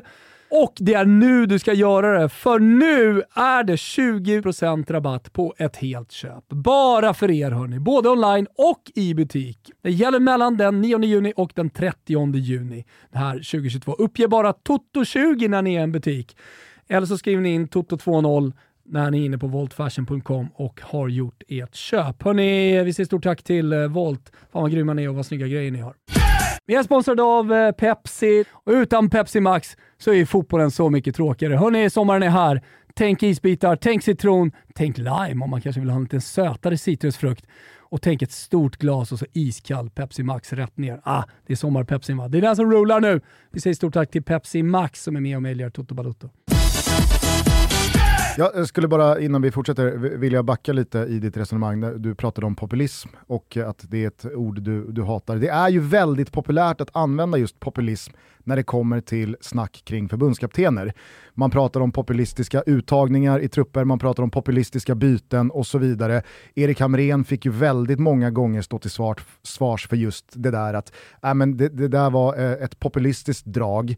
Men med lite retrospektiv här så skulle jag vilja fråga dig, har du, kan du med facit på hand känna att du vek dig för det populistiska ibland också?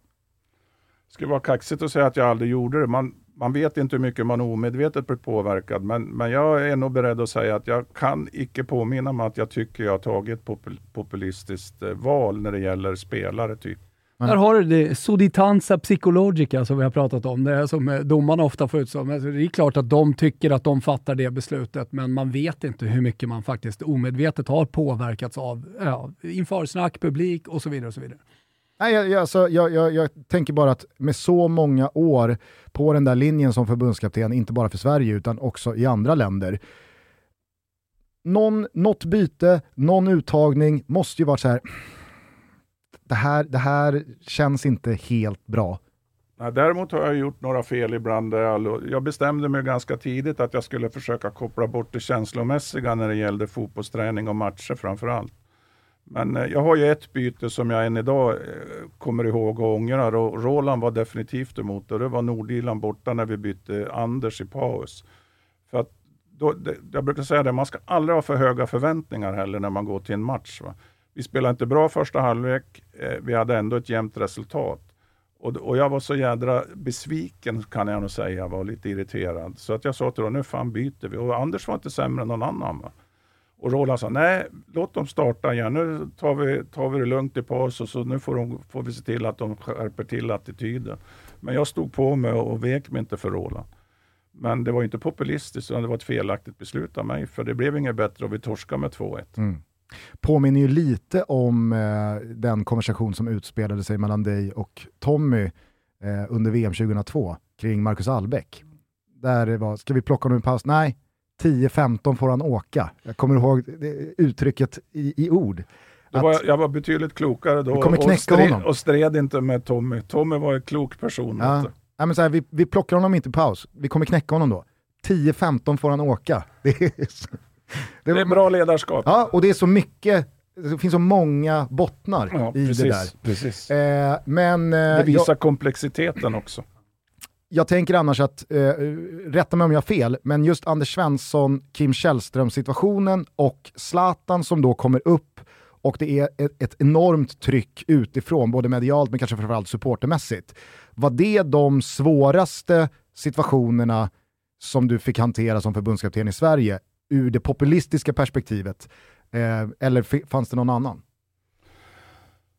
Nej, det är väl det som, vad jag kan komma ihåg i alla fall, har, har skapat mest liksom, uppmärksamhet. Och, och då, då skulle det vara löjligt av mig att säga att inte det kanske var de svåraste besluten. För det gällde ju verkligen att vara så pragmatisk så att man verkligen försökte tänka vad, vad är det bästa. Va?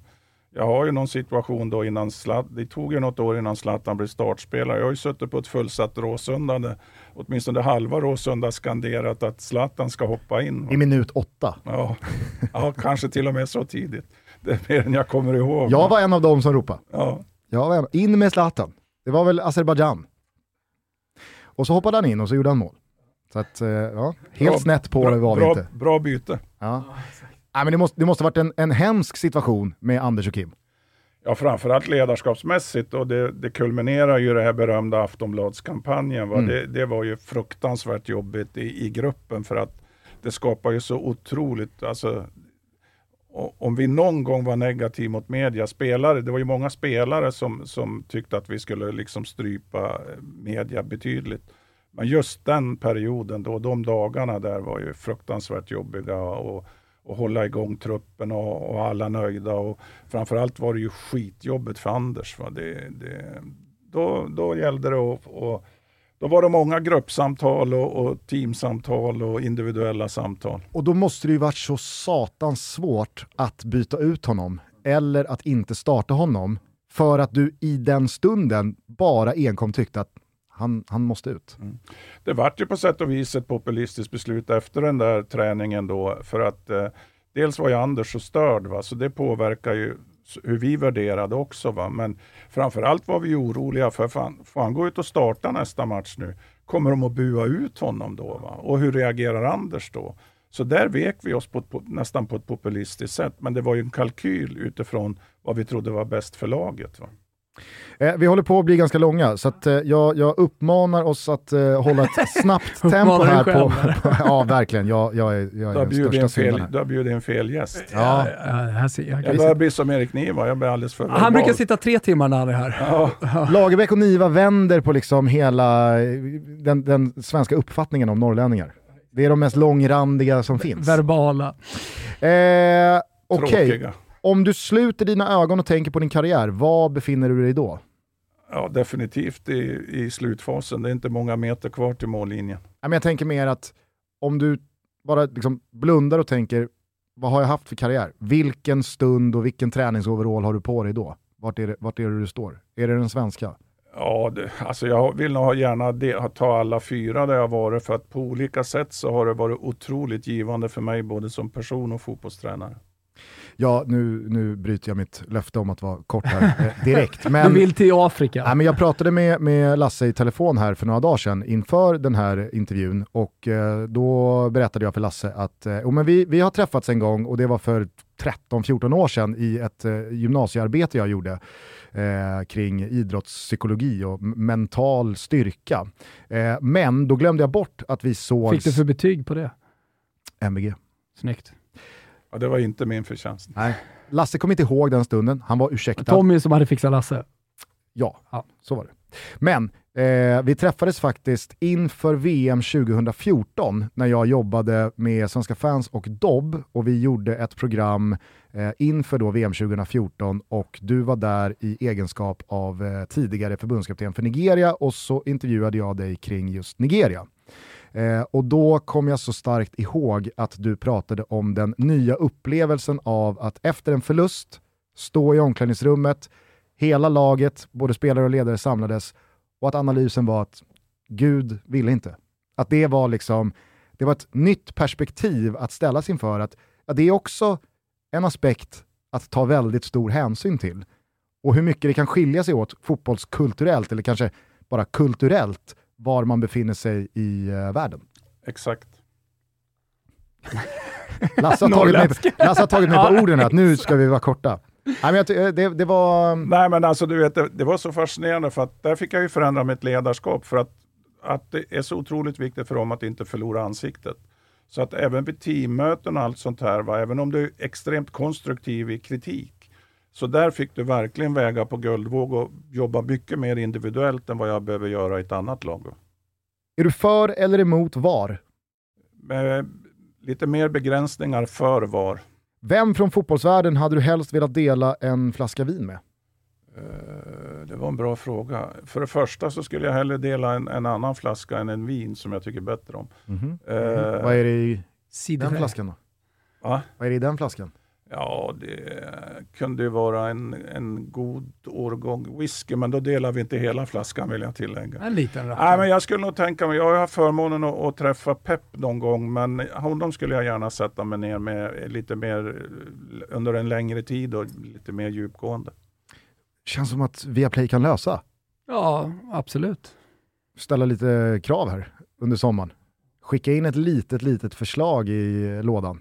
Jag har en idé till i höst. Mm. En sit-down med mig och Pep. Jag tror inte det bästa är att göra det i en tv-studio, utan då skulle man nog göra det privat. Framförallt om man ska hitta en god whisky. Också. Så är det väl Vi kanske. säger att det inte är några kameror på den, men i väggarna sitter det kameror. Sen får vi klippa ner det. Men eh, jag tänkte bara, du, du måste ju ändå, kanske inte dela en flaska vin, men suttit ner med väldigt många eh, ja, men, tränare med stor erfarenhet och som har kommit långt genom åren. Ja, jag har träffat en del, det kan man ju säga. Är det någon som sticker ut? Ja, det var ju väldigt skoj. Jag hade aldrig träffat honom så tidigare. Det var ju Sir Alec. Han var med i en grupp eh, under Ukraina-EM eh, där, vi, där jag jobbade för analysgruppen för Uefa. Han kom in på slutet bara lite så här.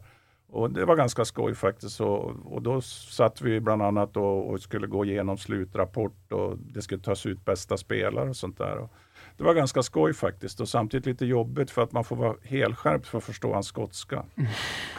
Precis. Man kan tänka mig, han tydlig i sitt ledarskap. Eh, Ja, han var ju inte precis den som eh, argumenterade väldigt mycket för sina åsikter, utan han sa vad han tyckte och sen tyckte han att det var så. Det var raka rör. Ja, det kan man säga. Favoritarena? Ja, det går inte att gå förbi Råsunda. Nej, det gör faktiskt inte det. Nej. Den bästa fotbollsarenan Nej, som jag någonsin funnits. Nej, men det har ju med mina upplevelser att göra, men jag tyckte att det var en väldigt skön arena Mm. också. Mäktigaste numret du har i din telefonbok? Mäktigaste jag har. Har du Infantinos nummer? Nej, nej, politiker har jag nog, på den nivån har jag nog ingen om du inte går ner till de som jobbar då lite mer med det fotbollsmässiga. Nej, men det är väl att jag har en del, eh, del alltså mäktigast är så svårt ord. Det är ni som är så moderna. Vet du. Vad betyder mäktigast? Men jag tycker det är skoj att jag har en hel del, jag har ju kvar en massa telefonnummer från mina ex-landslagsspelare, så att det tycker jag är ganska skoj. Utan att gradera på något sätt. Vilken är den bästa spelare som du har jobbat med? Sånt där är också så svårt att jämföra. Va? Jag menar, Men nu är det dags att singla ut dem. Ja, men jag, jag, det säger jag alltid när man håller på med det där. Du, det är lika med Boll d'Or eller vad, fan du, vad du nu vill. Att jämför en forward med en målvakt, en, en inneback. Va? Men jag menar, alltså, det går ju inte att gå förbi Zlatan. Va? Därför att han är ju unik uttaget på alla sätt och vis. Va? Så att, eh, han var ju dessutom spännande att jobba med för att man fick ju vara på tå. Vilken är den bästa spelare som ditt lag har ställts mot? Ja, eftersom jag har mött Messi och Ronaldo då så får jag väl säga att det är någon av de två. Och sista frågan. Man får svara precis vem man vill numera eftersom Messi och Ronaldo, som du är inne på, inte längre i samma utsträckning dominerar. Vem tycker du är världens bästa fotbollsspelare idag? Jag måste ju inleda igen att det är så svårt. Jag skulle kunna dra upp liksom beroende på olika, olika Position, roller i laget. alltså, Ja, precis.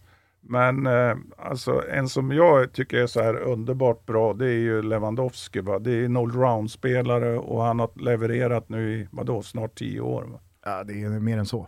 Ja, till och med det.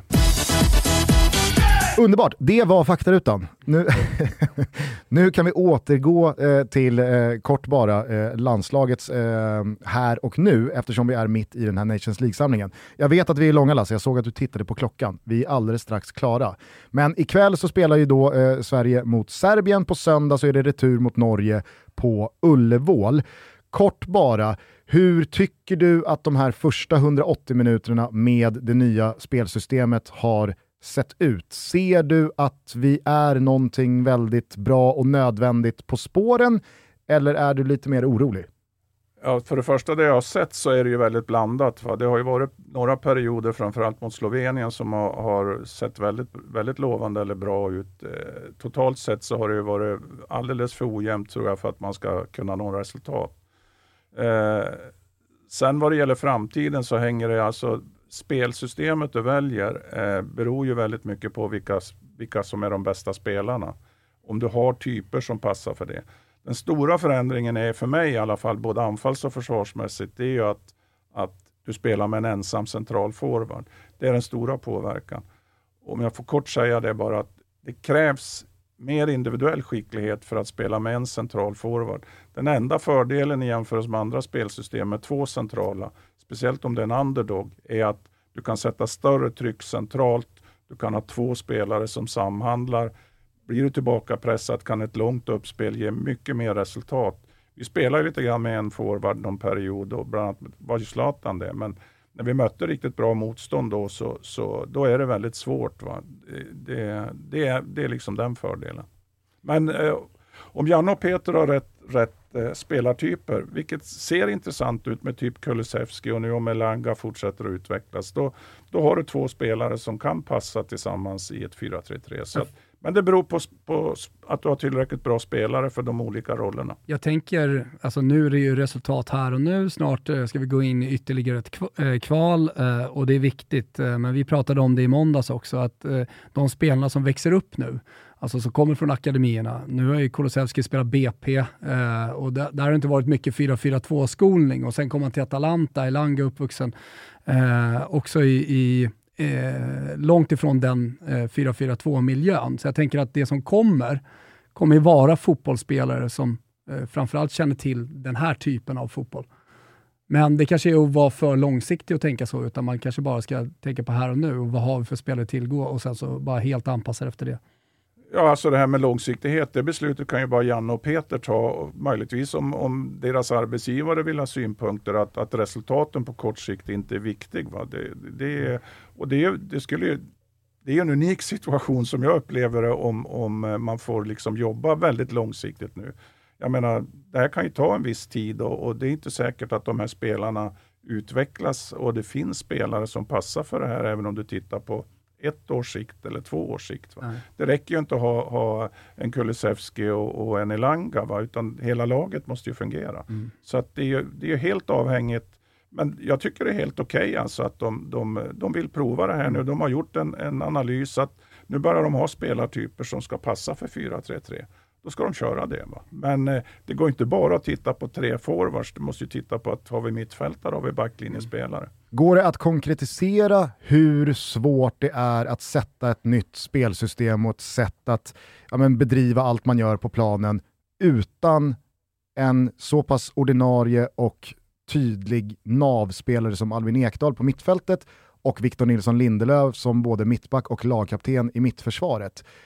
Eller är vi lite för dåliga på att förstå att utan de här två så är det också ganska svårt att kanske sätta någonting som kommer gälla i, i EM-kvalet nästa år, redan nu. Ja, men du är inne på det vi pratade om, att om du bedömer att, att Ekdal och, och Lindelöf är två, de två absolut outstanding bästa spelarna i landslaget, för att oavsett om du spelar 4-3-3 eller 4-4-2, Kanske inte bästa, men så givna delar av centrallinjen. Ja, då, då är du ju inne på rätt spår. Att då är det ju underlättar det naturligtvis inte. För då har du ju fått in sämre spelare i, i de två rollerna.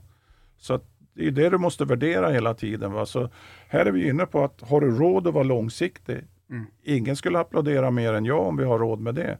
Men ni om några vet ju liksom vad det innebär om, kommer det här landslaget nu att börja förlora flera matcher på rad här? Va?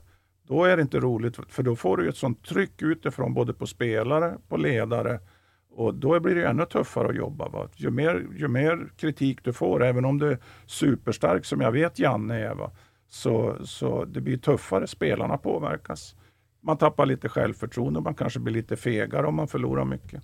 Grundbulten i den här förändringen har ju varit att vi ska anpassa vårt sätt att spela utifrån vad vi har för spelarmaterial, snarare än att vi ska anpassa vårt spelarmaterial utifrån vilket spelsystem vår förbundskapten föredrar. Och vi har också eh, bidragit till det. Jag tror att gängse uppfattning är ju att generationen med eh, Marcus Berg, Ola Toivonen, Micke Lustig, Gustav Svensson, eh, de som försvann efter VM 2018, i viss mån då efter eh, EM i fjol. Det var spelare som på ett helt annat sätt är trygga i 4-4-2, som kan komma tillbaka från sina klubblag och bara trycka på en knapp och spela som man gjorde under uppväxtåren på ett annat sätt än millenniespelarna som nu är framtiden och det som är också här och nu.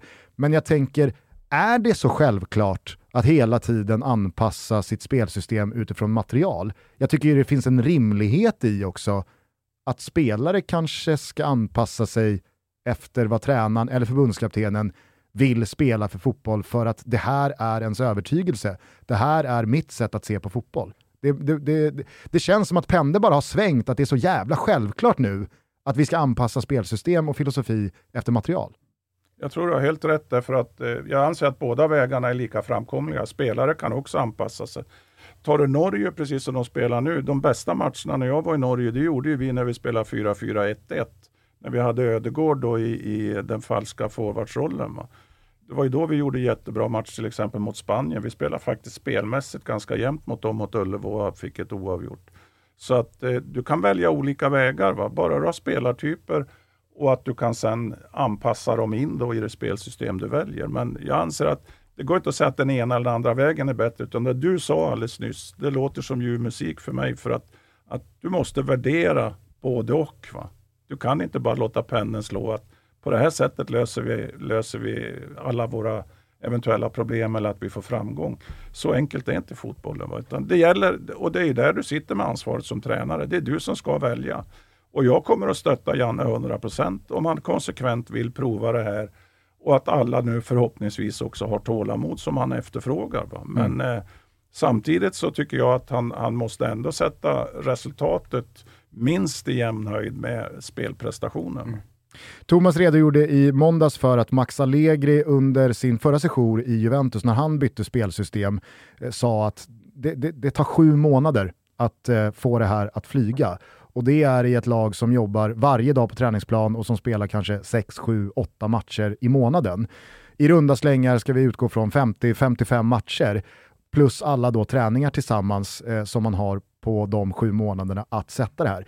I ditt huvud, vad, vad är liksom rimligt? Vad, vad, vad, skulle du vilja påminna alla oss utifrån att det här någonstans är en rimlig mängd landskamper och samlingar innan man faktiskt får snurr på ett spelsystemskifte från då 4-4-2 Jag säga det att det man kan addera i en klubblagssituation eh, då som eh, Max Allegri är ju att han kan ju säga jag vill ha den spelaren och den spelaren i januari, för då, då passar det mitt material, medan man är, eh, i, i ett landslag vill ta de elva bästa och göra så bra av dem. Ja, du vill ju ha de bästa spelarna. Liksom. Sen ska ju de passa i rollerna som du väljer att spela. Men om, om jag drar ett konkret exempel ska jag säga att det tog ett knappt år innan det blev lite ordning på Island det gick ganska bra eh, efter ett halvår och då hade vi förmånen att få spela väldigt mycket träningsmatcher. De hade ju inte varit slutspel. Va? Så vi hade ju, då fick man ju den våren väldigt mycket träningsmatcher. Va? Men sen gjorde vi någon djupdykning på hösten när kvalet började. Då, jag vet Slovenien hemma till exempel. Så, eh, men eh, efter, efter ett år så tycker jag att då satt liksom hela vår spelidé. Och förmånen är ju med en väldigt intränad spelidé. Det är lättare för nya spelare att komma in med alla har väldigt tydligt klart för sig, man, övriga har klart för sig hur man spelar. Och ju mer du kan automatisera eh, laget, framförallt i försvarsspelet som går att automatisera ganska mycket va, i beslutsfattande, så ju större chans har du. Va. Men eh, man får nog räkna med minst upp mot ett år med ett landslag för att mm. du borde samtidigt där ha så, så välutbildade spelare och alltid kommer de ju från olika spel, spelsätt. Va? Så att de är ju relativt vana de här bästa att anpassas också. Det där blev en fin cirkelslutning, för det Tycker känns jag. lite som att vi är tillbaka där vi började med eh, clashen mellan de som kommer från fotbollens håll och de som jobbar med tv-mediet. Att tre minuter är en evighet för vissa, det är ingenting för andra. Det här är lite samma sak då mellan supporter och media och de som vet hur det faktiskt går till Exakt. på planerna. Att Folk är skogstokiga efter 180 minuter, vi förlorar mot Norge, hallå varför funkar inte 4-3-3? Och så kommer Lasse här och mässar om att ett år. Mm. Ja, men det, det, det tycker, jag, tycker jag är bra. Det är perspektiv, nämnde du tidigare när vi pratade också. Då får man i alla fall lite perspektiv på saker. Verkligen. Hörni, det här har varit en väldigt trevlig sittning med Lasse Lagerbäck. Vill ni se mer och höra mer av honom så rattar ni in via Plays Nations League-sändningar. Ikväll torsdag så är det Sverige mot Serbien på Friends. På söndag så ska vi försöka få revansch på Ståle Solbacken, Erling Haaland och övriga Norge. Otroligt viktig den blir utifrån en massa olika eh, saker, tänker jag. Ja, tyvärr så är det ju så att Serbien är väl antagligen minst lika bra, om inte lite bättre än Norge, så att eh, vi har två svåra matcher att se fram emot. Mm. Saknar dock eh, avstängde Mitrovic, det känns skönt. Och skadade Vlahovic. Precis. Så att, ja, vi får helt enkelt se hur det går. Men som sagt, Nations League hela veckan lång på Viaplay. Och så missar ni för guds skull inte VM 94, en sportsaga på Simor som nu har premiär. Det kommer inte jag göra i alla fall. Fan vad kul att ha dig här Lasse. Detsamma, tusen tack. Det har varit bättre än jag trodde, men jag hade ju inte så höga förväntningar. jag trodde du var realistiskt optimistisk. Ja, men det var ju det jag var. Ja, okay. Då har man lagom förväntningar. Perfekt. Underbart. Eh, precis som alla våra gäster så får man eh, avsluta sitt avsnitt med en valfri låt. Så att, eh, har du hört får du... Jag och min Jan som Gusten sjunger? Nej, Nej det har jag inte På volley här så avkräver vi dig ett, eh, ett önskemål på ja, en, en, en, låt. Ganska lätt. Mando Diaos Frödings-tolkning. Oerhört mycket samklang. Ja. Det, känns, eh, det känns väldigt mycket du. Den är fantastisk. Underbart. Eh, om inte du har något mer Thomas så säger vi ah, väl super. tack och hej 90 för idag. minuter är vi nu, så det vart ju också eh, någon slags cirkelslutning i det. Kanon. Vi hörs igen på måndag och eh, nästa vecka så kommer dessutom Hasse Backe. Trevligt. Det jävligt trevligt. Eh, tack för idag Lasse. Tack själva. Morsning korsning, trevlig helg. Ciao Totes. Ciao. Det skimmer i molnen och glitter i sjön. Det är ljus över stränder